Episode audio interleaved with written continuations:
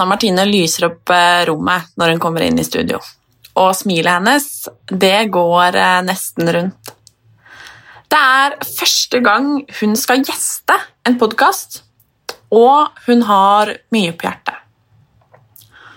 Før vi begynner å spille inn dagens episode, spør jeg Hanna om jeg får lov til å spørre om det som tidligere i år snudde livet hennes på hodet. Og det får jeg. I våres gikk nemlig Hanna gjennom et brudd, og det var eh, ordentlig vanskelig. Vi snakker derfor en del om eh, kjærlighetssorg, det å bli bedratt og det å komme seg gjennom mørke perioder i livet. Man skulle kanskje tro at livet til Hanna har vært en dans på roser, i hvert fall om man tenker på hvor eh, glad hun er, hvor mye hun stråler og hvor god energi hun har. Det er noe hun selv har bestemt seg for å ha, og jeg beundrer henne stort. Siden sist jeg traff henne, så virker hun eh, tøffere, sterkere, og hun stråler sånn skikkelig. Og ja Vi kan jo bare si det sånn at om eh, Hanna Martine var inspirerende før, ja, da skal du få høre hun nå. I dag er mikrofonen Hanna sin, og det er bare å lene seg tilbake og lytte, for du vil ikke angre.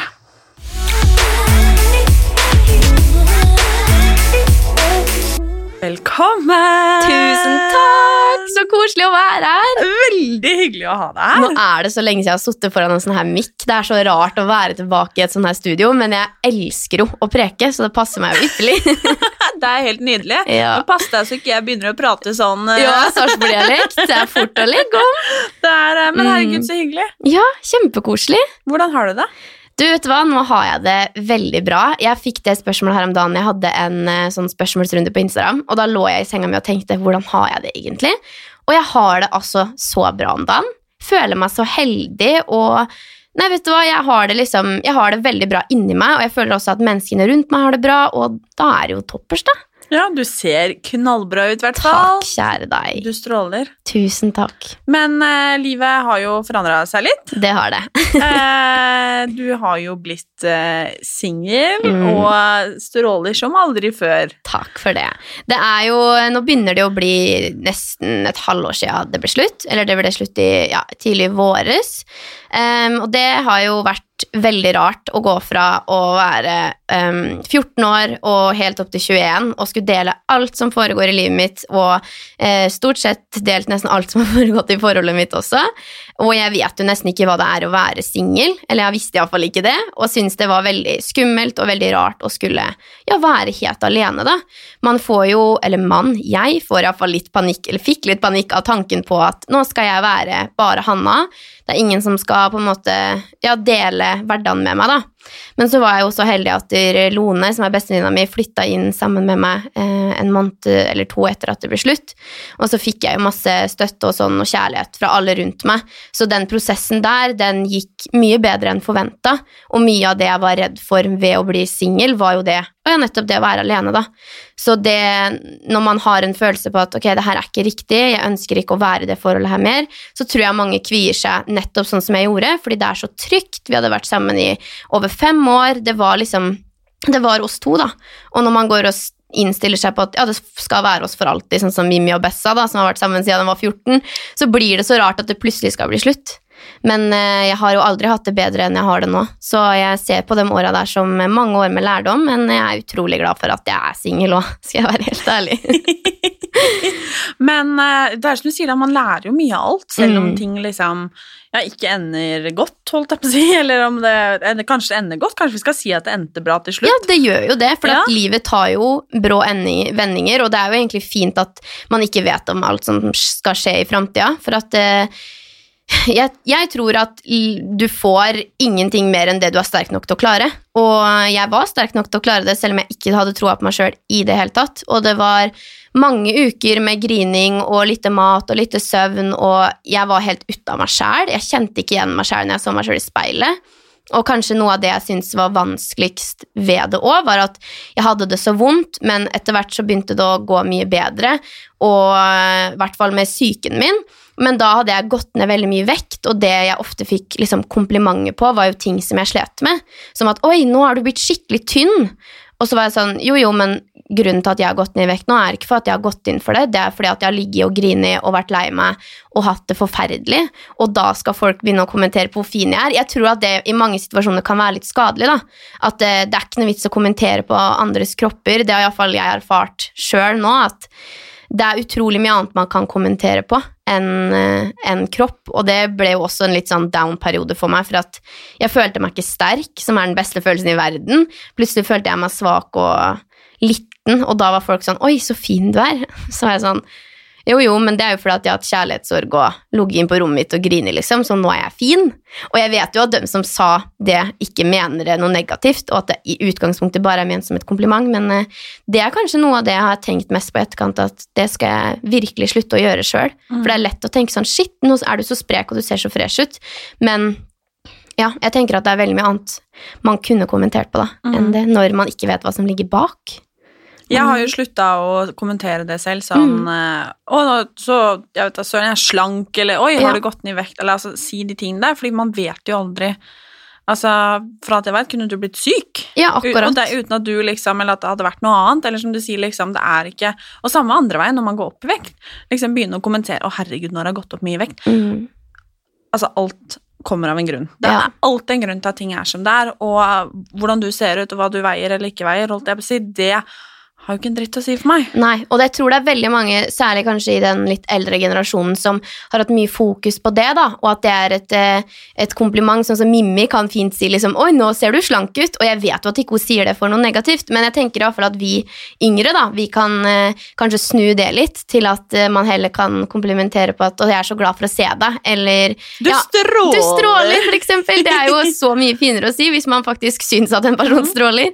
Så jeg tror at det, det er kanskje en erfaring som eh, Ja, eller kanskje, det er en erfaring som har betydd enormt mye for meg, da. Mm. Kan jeg spørre om hvorfor eh, det ble slutt etter så Ja. mange år? Det kan du. Jeg har ikke snakka så mye om det her i sosiale medier, rett og slett for at det mennesket Altså, det mennesket var jo offentlig i form av at han hadde åpen profil, og han, eh, han valgte å være med på kampanjer, og han tok jo en stor del av livet mitt, så han er jo ikke en, en, altså, jo ikke en person som har valgt å være utafor media, da. Men likevel så har jeg valgt å liksom ville skjerme den litt, rett og slett for at jeg har ikke villet at det skal ta for mye fokus fra kanalene mine. Men øh, han, det ble først slutt bare for at jeg følte at det ikke var rett, og jeg hadde ikke noe mer å gi, og han hadde kanskje ikke det, han heller. Og så gikk det ganske mange uker hvor jeg var lei meg, og det var mye fram og tilbake, og så får jeg et par telefoner, kan du si, som snur, eh, snudde blikket mitt veldig på hvordan de fem åra hadde vært, hvor jeg får detaljer om både det ene og det andre, og at han har vært, eh, han har vært utro.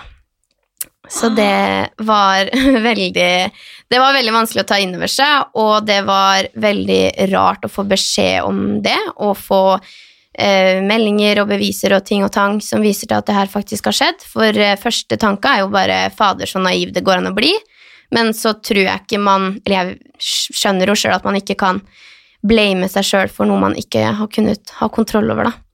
Så um, jeg ser tilbake på åra som fine på mange måter, men også mest av alt som en stor, stor, stor lærdom. Og at eh, jeg er takknemlig for de åra og de minnene som er bra, for det er mye fint og bra å se tilbake på, men jeg er også veldig takknemlig for at den energien der er ute av livet mitt nå. Tror du at kjærlighetssorgen ble verre når du fant ut av det? På mange måter ja, fordi jeg følte meg så ekkel og så rar sjøl. Jeg begynte veldig raskt å blame meg sjøl og være sånn 'Å, herregud, Hanna, nå har du sett forbi det her, og du er ditten og datten'. Men samtidig så gjør det det jo også i holdt jeg på å si, gåseøynene litt lettere kanskje å komme seg over det og tenke at jeg fortjener så mye bedre enn det her. Og vedkommende vet også at jeg fortjener så sabla mye bedre enn å bli behandla sånn. Og mm, jeg har jo måttet bruke det til en styrke og prøve å løfte meg sjøl opp fra det som har vært vondt og vanskelig. Sånn at jeg mm, jeg har gått gjennom hver eneste føle, følelse jeg tror man kan føle på, og jeg har hatt dager hvor jeg ikke har spist, ikke har sovet, ikke har snakka med en sjel og bare vært så langt nede og ligget i et mørkt rom en uke.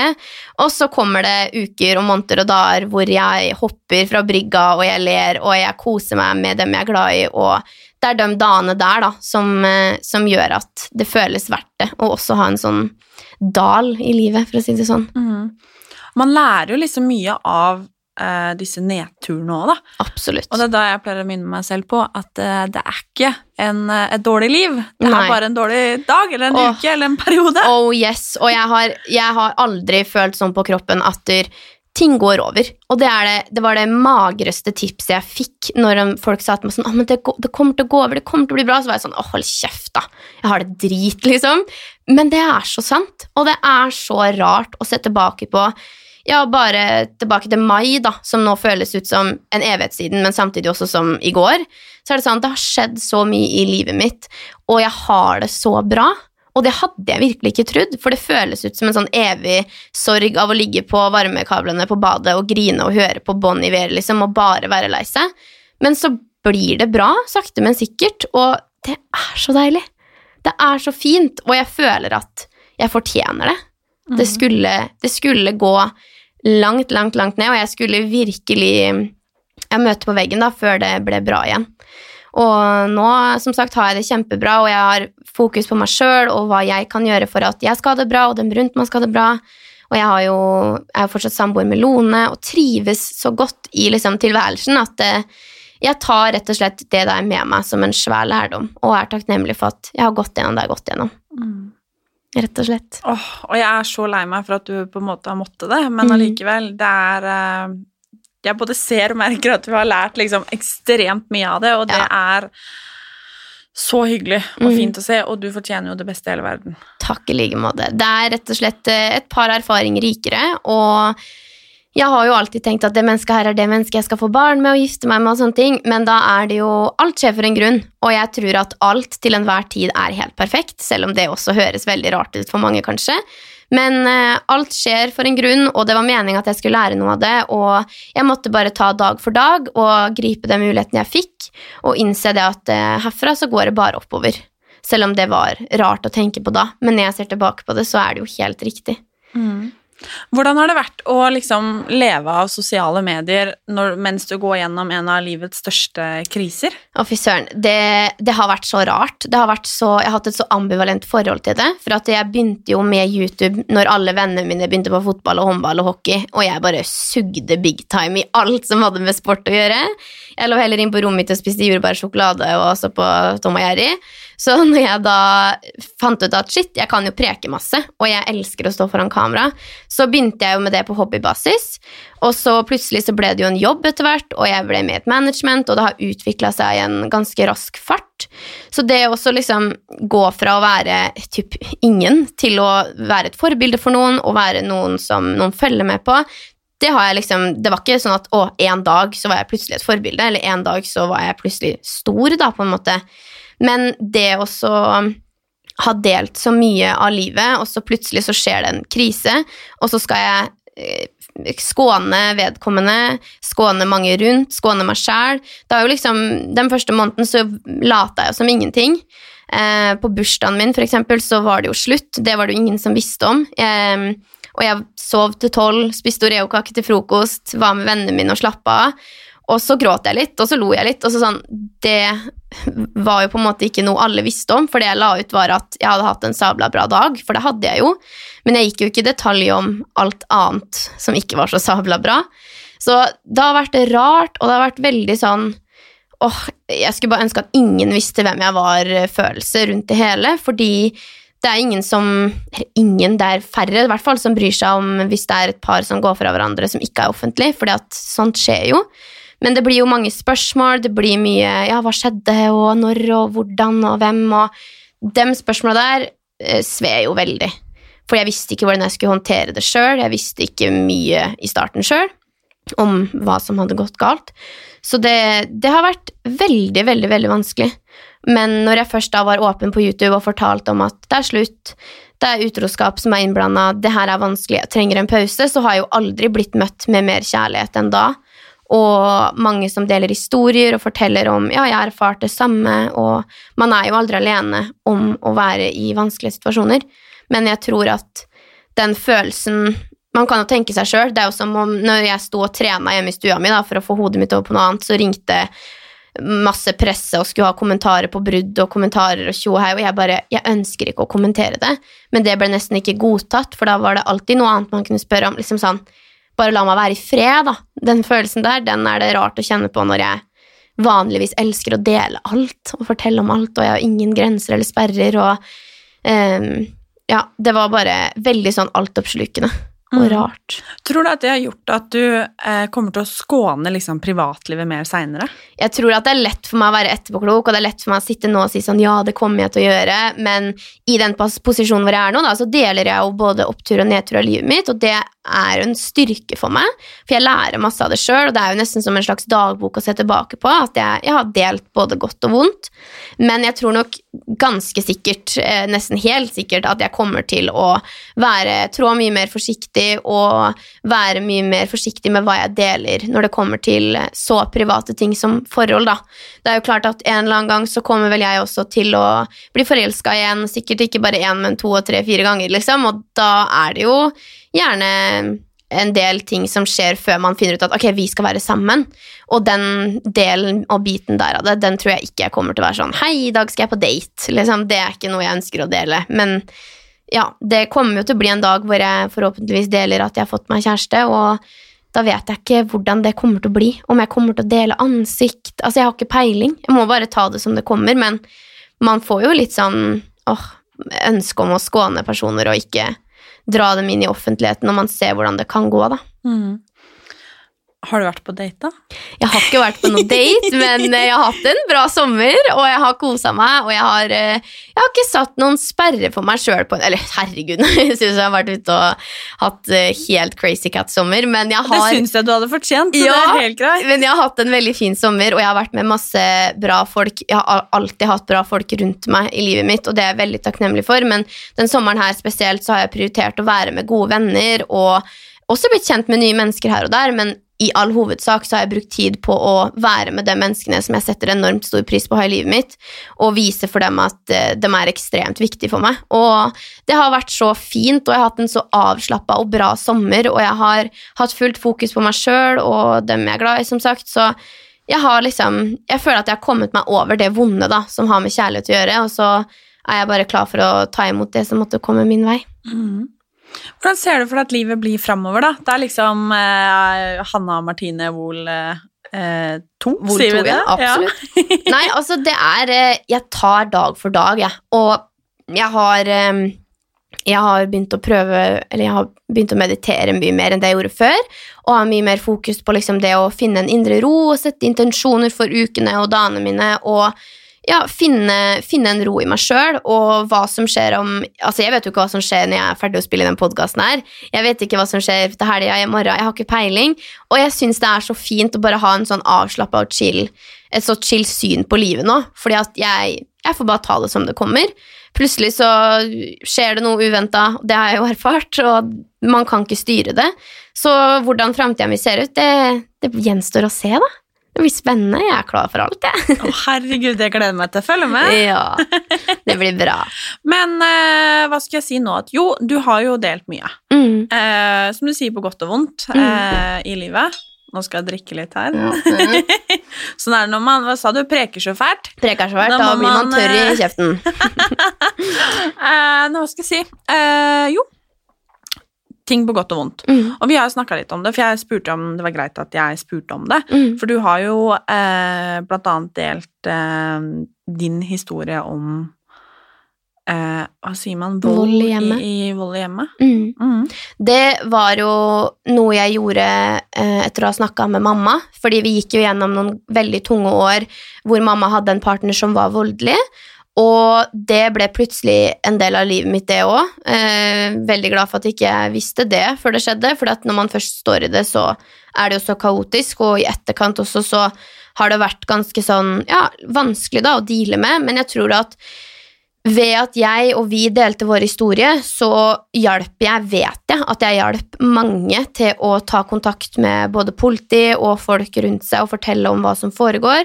Og personen det gjelder, fikk jo til slutt eh, Vi gikk jo gjennom en rettssak når jeg gikk i VG1, og han fikk jo sin straff. og det har jo på mange måter styrka meg, det òg, at jeg har vært åpen om noe som er så vanskelig, og som kanskje mange tenker på som veldig privat. Men eh, jeg står jo veldig i det at det å dele det var viktig for meg. Rett og slett for at det er en del av min historie, og det kunne hjelpe noen. Og nok en gang så blir man sterkere av det, da. Sånn at eh, familien min og, og jeg, vi har jo gått gjennom de åra her, og det er jo ikke alt jeg har delt på sosiale medier i detalj av hva som har foregått, men det å kunne være åpen om det, det har vært viktig for min utvikling òg, da. Og nå har jeg liksom lagt det bak meg, det tilhører fortida, og det er ikke en del Det er ikke en del av livet mitt lenger, men samtidig så vil det jo alltid være ja, en del av fortida mi, da, og noe jeg har gått gjennom. Og jeg er veldig glad for at jeg, jeg delte det, og at jeg kunne være til hjelp, rett og slett. Og nå ser jeg bare på det som det også som en stor styrke, da. At eh, mm, Altså sånn, det er så klisjé, men det som ikke tar knekken på deg, det gjør deg faktisk bare sterkere. Og det, det lever jeg ved, for det er så sant. Og man kan ikke forutse sånne ting, og det er kanskje bra i seg sjøl, for at uh, man skjønner ikke hvor sterk man er før man står oppi det og i etterkant, og man har kommet seg gjennom det her, da. Så det har bare Det har vært vondt og veldig sårbart, men samtidig en kjempestor lærdom og styrke. Mm. Mm. Vi snakka litt om det, eller du, dette må være et forbilde, liksom. Ja. Og du er jo virkelig en av de jeg ser på som et eh, godt forbilde på liksom, sosiale medier, og i den bransjen vi er i. Ja, takk i Eh, like måte. Ja, takk, takk, takk. Hvor viktig er det for deg å være, være et godt forbilde? Nei, altså Som jeg sa i stad, så var jo ikke det bare plutselig noe som skjedde. Sånn at oi, i dag er jeg et forbilde, men det har jo sakte, men sikkert vært mange meldinger og hyggelige eh, tilbakemeldinger fra folk om at de ser opp til meg og det jeg gjør. Og det har jo gjort at jeg har måttet bli veldig bevisst og villet bli veldig bevisst på det at eh, stemmen min den har en betydning, og jeg har en stor plattform hvor jeg har mulighet til å påvirke folk.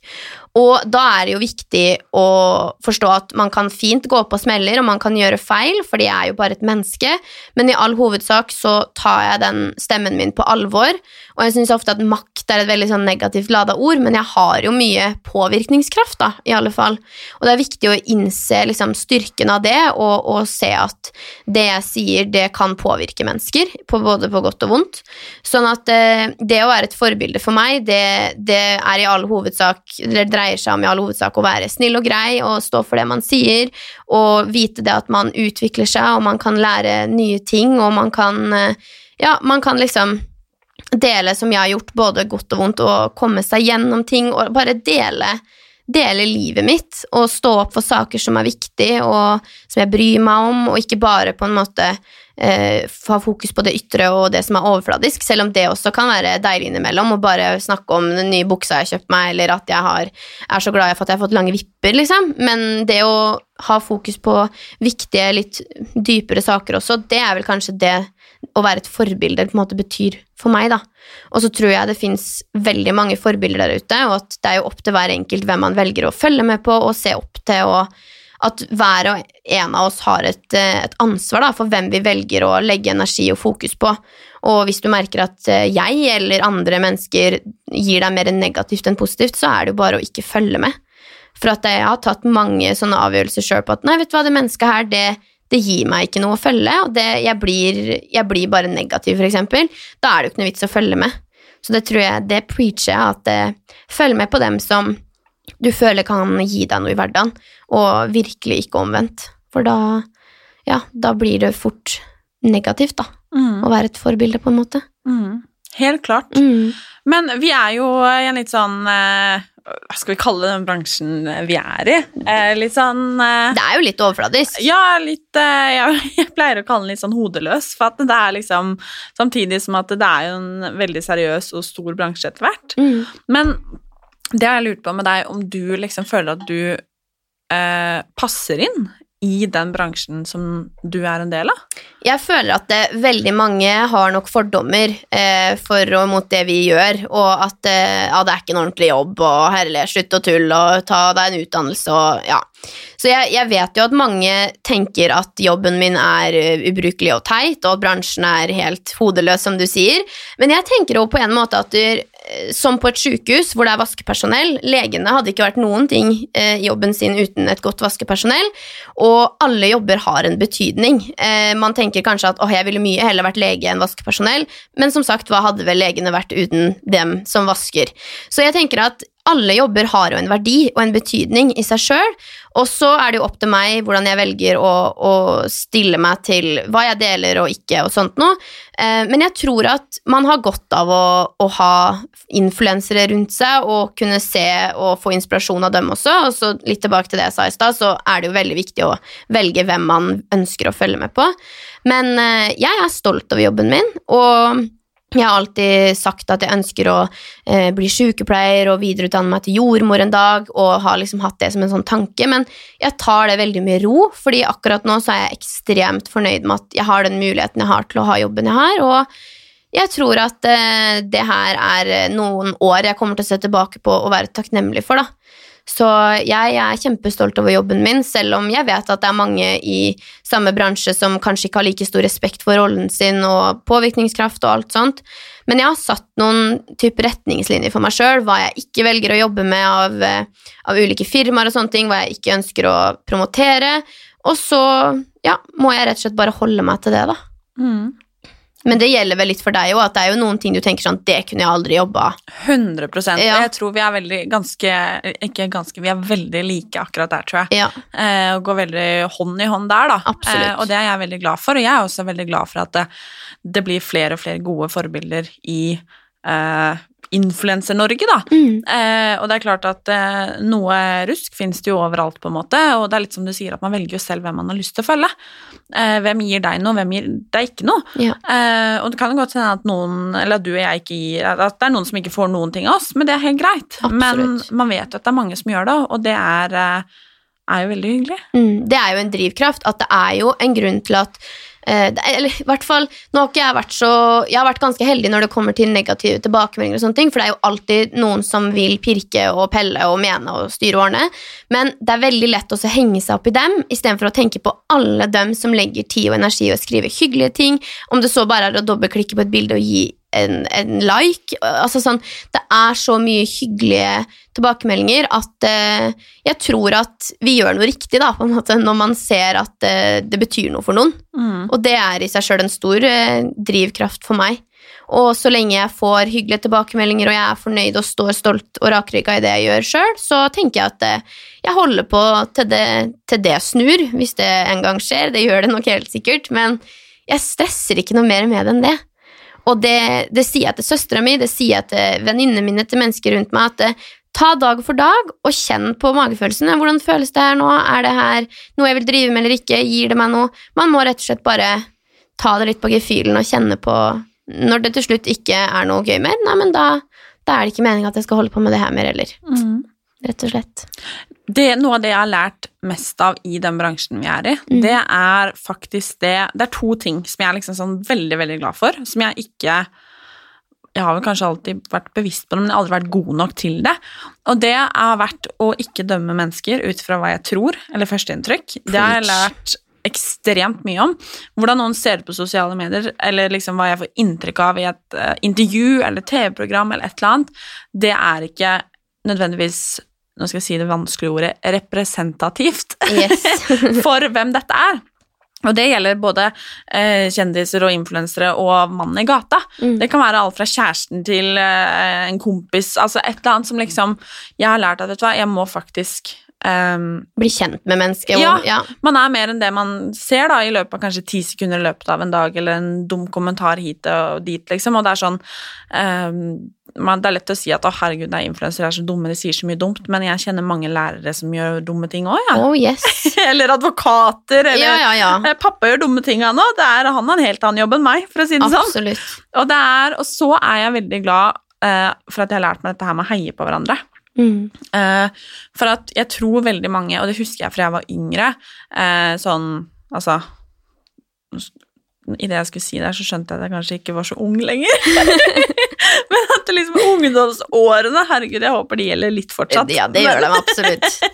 Men at det liksom um, Den der sjalusien, den, den er ikke-eksisterende hos meg lenger. Nei. Og det er jeg så innmari glad for. At liksom, fordi du får til noe, så betyr det ikke at jeg ikke kan få til det samme, eller noe annet. Nei. Og den der verdien av, som du sier, gi den liken på det bildet, om det er til venninna di, eller om det er til Det spiller ingen rolle, liksom. Gi Mm. en tommel opp, gi et klapp på skulderen, og det er litt sånn som jeg pleier å si at uh, månen skinner og sola skinner, liksom, og de kan til og med skinne samtidig. Ja, Det er veldig fint med det, absolutt. Em, og litt å huske på det, så det er jeg veldig glad for at jeg faktisk har lært. Mm. Og den derre at uh, ja, får du til noe? Ja, men herregud, det er jo dritbra. Så fett. Ja, Istedenfor å tenke seg- åh, det der vil jeg gjøre også. Jeg, jeg så faktisk her om dagen Jeg vet ikke om det var du som delte det, eller i hvert fall jeg så at Tenk hvis Rihanna ikke hadde laga Fenty Beauty fordi det allerede fantes sminkemerke. Mm. Så er det sånn man kan ikke la seg stoppe av andres suksess da, eller andres bragder. Og Eller andres liksom øh, meninger om det du gjør. Det, og det er så viktig, og apropos det der med å dømme, så har jeg lest veldig mye om det og sett veldig mye dokumentarer om underbevissthet og ego i hodet vårt. Og ego i hodet vårt vil jo ta de raskeste løsningene, det letteste, det kjappeste og enkleste. Og ego og underbevisstheten har også veldig lett for å dømme andre, og man gjør det i underbevisstheten for å løfte seg sjøl opp og dytte andre ned. Og det kan man tenke på et veldig godt eksempel som jeg tror mange kan kjenne seg igjen i, er eksempel hvis man står og lager taco, og så sier Lone til meg ah, 'Hvorfor kutter du opp tomatene sånn?' Så er det sånn Kan ikke jeg bare få kutte tomatene som jeg vil? For det har jo ingenting å si. Og så sier du ikke hun det for å være ondskapsfull, men langt inni hodet der så er det en sånn mekanisme som er sånn Jeg kunne kutta det bedre. Nå har ikke akkurat det her skjedd, da, men det er et veldig godt eksempel på at det er så lett å vri det om til at jeg ville gjort det annerledes, og jeg ville gjort det bedre, men man sier det jo ikke nødvendigvis med liksom ondskap i hodet, men det er så lett å bare Sånne små ting i hverdagen eller om det er å dømme ja, større ting, da, så gjør man det helt i underbevisstheten for å dytte andre ned og løfte seg sjøl opp, og det er nesten skummelt å tenke på det. For det kan være eksempel at jeg ser noen på gata, og så kan jeg Før kunne jeg tenke hva er det hun der har på seg, det kunne jeg aldri gått i sjøl. Så er det sånn, nei, men så? Hun rocker det jo, hun er jo dritkul. Hvorfor skal du drive og tenke på hva alle andre har på seg? Det har da ingenting å si for meg. Jeg har en sånn regel for meg, for meg selv, Sånn hvis jeg eksempel er med noen som sier 'Å, herregud, se hva hun har på seg'. Ja. Så bruker jeg det eksempelet. Så tenker jeg sånn Ja. Men det er som jeg sier, så lenge jeg slipper, så er det jo samme for meg. Ja. Altså, Jeg vil ikke ha på meg det, men det, hun kan jo ha det på for det. Absolutt. Det er samme for meg, liksom. Og det er litt det. Så jeg er veldig, veldig enig i det der. Og liksom det er bare ja, Hei på hverandre. Om det er en jente i klassen eller noen på jobben eller en eller annen i familien. liksom den der, Det er sånn Ikke liksom skulle drive og rakke ned på hverandre eller Nei. ikke snakke positivt om hverandre. Og det er sånn, det har jeg faktisk tenkt på sånn Sier da hvis jeg eh, ikke hadde liksom Vi hadde hatt noe god kjemi, så hadde det vært så lett å si Nei, hun liker jeg ikke så godt. Nei, Så er sånn bare eh, bestemt seg for det, liksom. Ja, og så er det litt den der at eh, det er for lett å si at nei, jeg liker deg ikke. Grunnen til at jeg ikke liksom digger deg, eller nå er det bare dette et eksempel, ja. men du skjønner, er jo at eh, hadde vært at vi hadde ikke kjemi, vi var ikke en match. Det trenger ikke å bety at du ikke du er ålreit, eller at du er bra. Absolutt ikke. At, men det er bare det at nei, sorry, vi, vi er Viber ikke på sammen. Nei, og det er, det er fair, men det betyr ikke at du er en dritt av det. Nei, og akkurat det der er jeg så enig i, for jeg tror at Jeg tror veldig på det at det du putter ut i rommet, og den energien du putter ut i universet og i verden, det er også den du får tilbake. Så hvis du er dømmende, og du rakker ned på andre, og du er mye negativ, og du eh, road rager, eller du klikker i trafikken på røde lys og på trafikkbøter og sånne ting, da får du mer av det, for du tiltrekker deg drit da, når du er negativ. Og jeg pleier alltid å tenke at hvis jeg får en negativ tanke om noen i hodet mitt, så vet jeg at det tar ti positive tanker muskler for å løfte opp og fjerne den negative. Det er sånn jeg pleier å tenke, da. Så hvis jeg våkner opp og føler at å herregud, i dag har jeg en møka, da, da pleier jeg hver morgen å skrive ned ti ting jeg er takknemlig for. Det kan være jeg har rent vann i springen, jeg gleder meg til å spise frokost, jeg har en kropp som eh, løfter meg gjennom alt jeg står i. Det er så viktig å tenke på det positive og ikke det negative. Og det da i alt som har med dømming å gjøre, eller i livet generelt, at ja, hvis du klikker på at du får mye parkeringsbøter, da, eller du snakker mye stygt om andre, ja, da kommer du til å havne i en ond sirkel hvor du får mye negativt tilbake. Og det er sant. Mm. Mm. Jeg er veldig enig. Ja, det er bra. Det er godt å høre. Men du nevnte jo dette med at eh, eh, altså kanskje det du holder på med nå, ikke varer for alltid. Eller Mm. på en måte, måte så kommer det nok til å vare, i hvert fall til vi eh, ikke er her lenger, Ja. men i en, en eller annen fasong-variant. Altså, jeg vet ikke. Eh, men det kan like godt være at du en dag bare føler at dette, nå har jeg gjort mitt. Mm. Eh, så da lurer jeg på, hvis du kunne drømt nå, da, eh, om hvordan livet ser ut om ti år, hvor gammel er du da? Om 10, Da er jeg 31. Ja.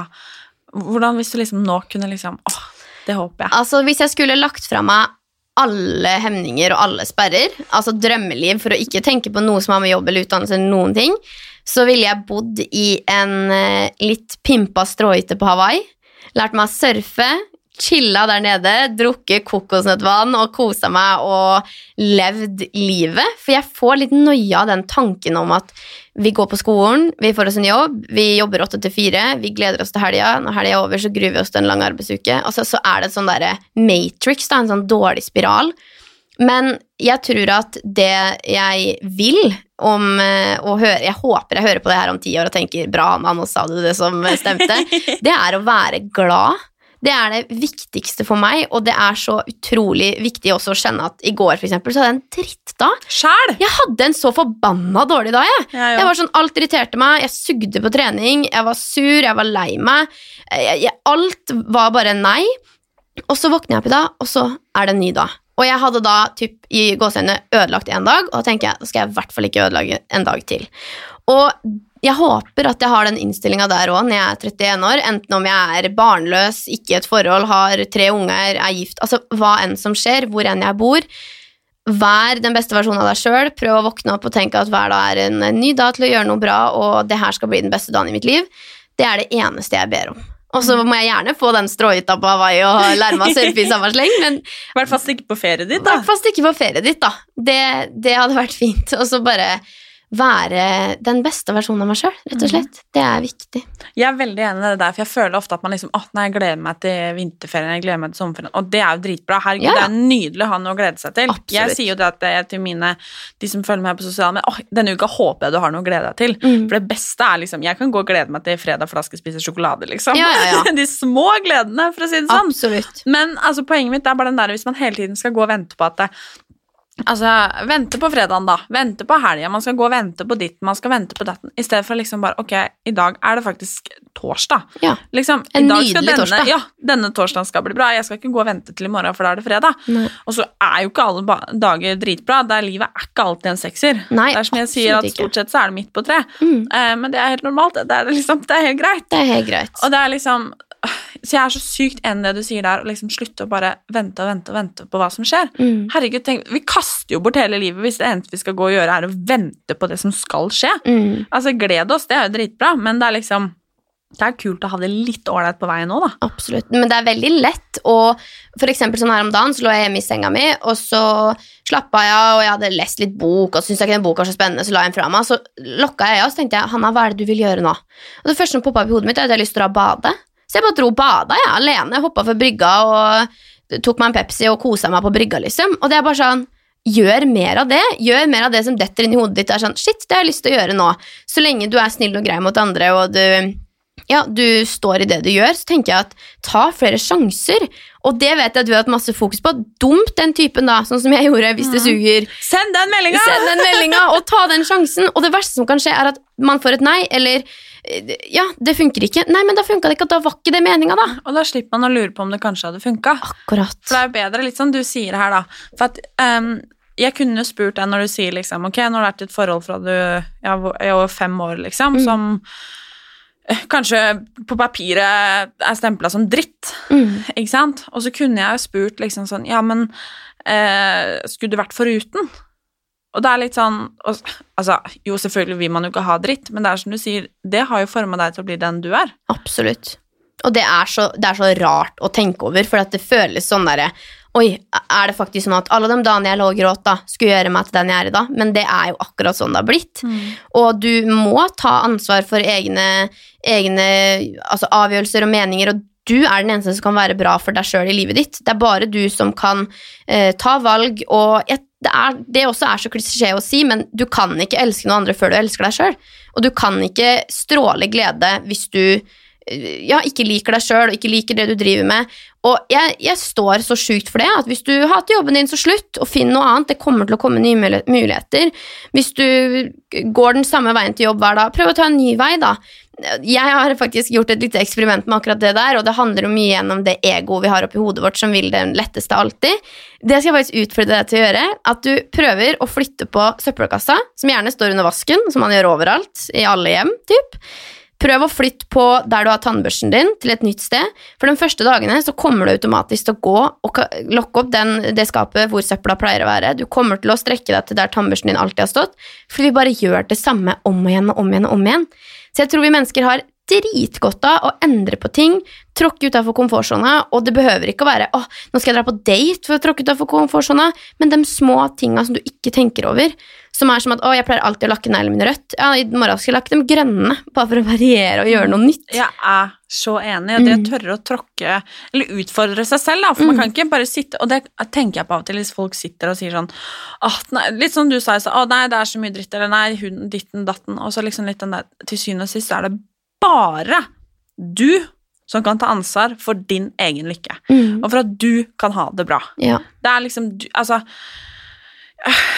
Jeg får ikke sagt det nok. Jeg. Det er så viktig. Og det er kanskje et sånn enkelt og teit eksempel, det der med å flytte på tannbørsten sin, men det, det viser de første dagene hvor mye du går på autopilot, og hvor eh, gjerne Altså, man blir så fort komfortabel at det, Sånn som jeg, som ikke ville gå ut av det forholdet, for at jeg visste ikke om jeg kom til å klare meg økonomisk, jeg visste ikke hvordan det var å bo alene, jeg hadde jo aldri vært singel, føles det ut som, for før jeg ble sammen med han, så var jeg jo sammen med en annen fyr i to år, så liksom hva er, hva er det nye livet jeg skal inn i nå? Hva er det kapitlet her? Hva kommer det til å gi meg?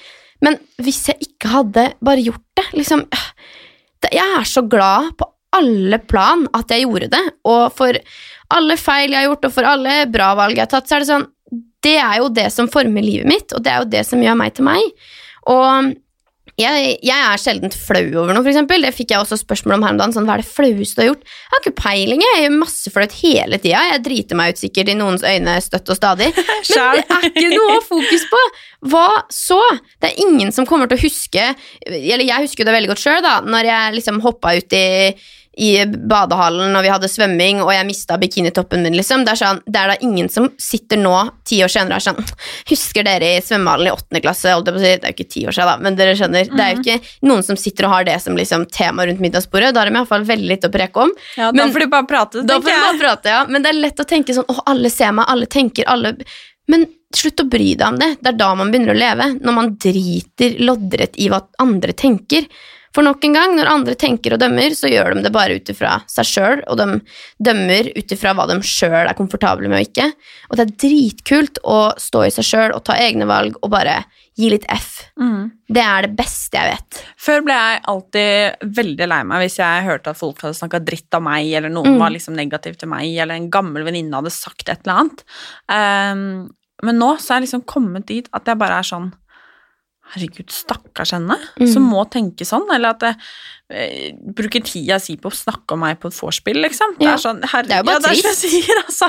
Og det er da jeg pleier å si det. Det er som jeg alltid sier, at det, det finnes folk som ikke liker Beyoncé også. Mm. Og da, det, det er ikke et kødd, men det går alltid bedre. Ja. For det er litt sånn, vet du hva eh, Så lenge jeg er fornøyd med det jeg gjør, så er det liksom vet du, De får bare prate, da. Mm. Altså, så kjipt å bruke dems tid. Mm. Den tiden de kan bruke på ja, ble bedre Mye annet. Ja.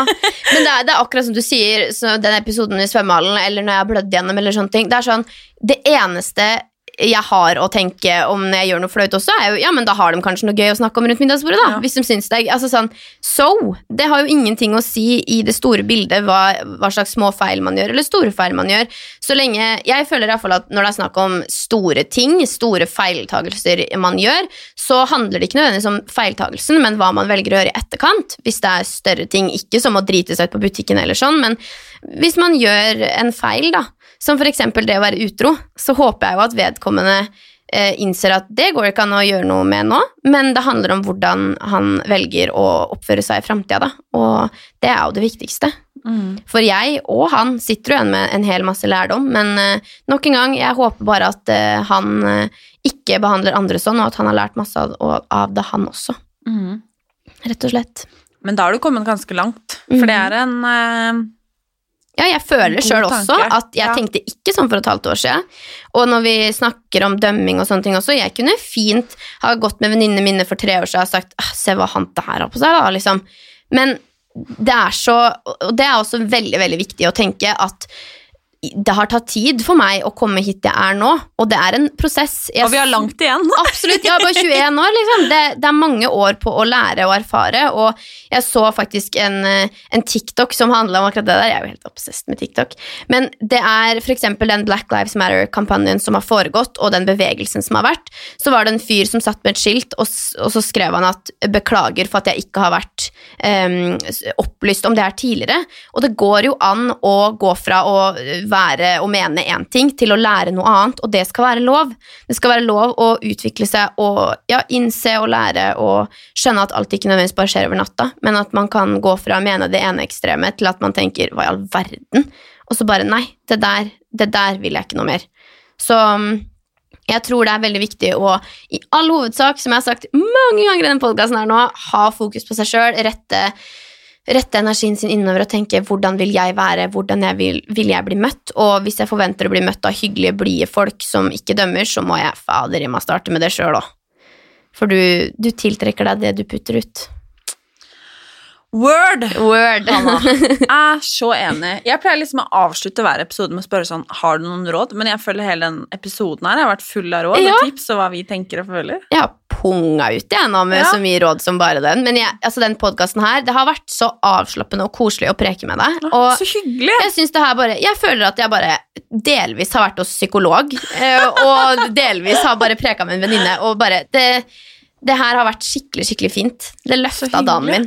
Herregud, så hyggelig. Og i like måte. Da Tusen håper vi at den har løfta dagen til de som hører på, da. Det håper jeg virkelig. Det, det hadde jo vært fint, da. Ja, Mm. det er hyggelig, du vet. Spre energi. Sant. Vi Yes. sprer positivitet, og så får vi det forhåpentligvis tilbake. Oh yes. Yes. Tusen hjertelig takk for at du ville komme hit og inspirere meg og alle som lytter. Tusen takk. Nå smiler jeg fra øre til øre, for det her har vært så fint, Martine. Tusen hjertelig takk for at jeg fikk komme. Tusen takk! Adjø.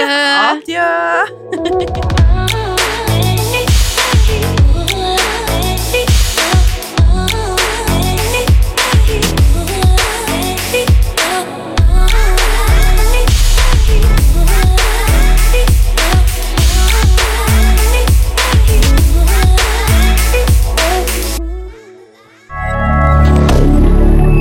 Nederlander.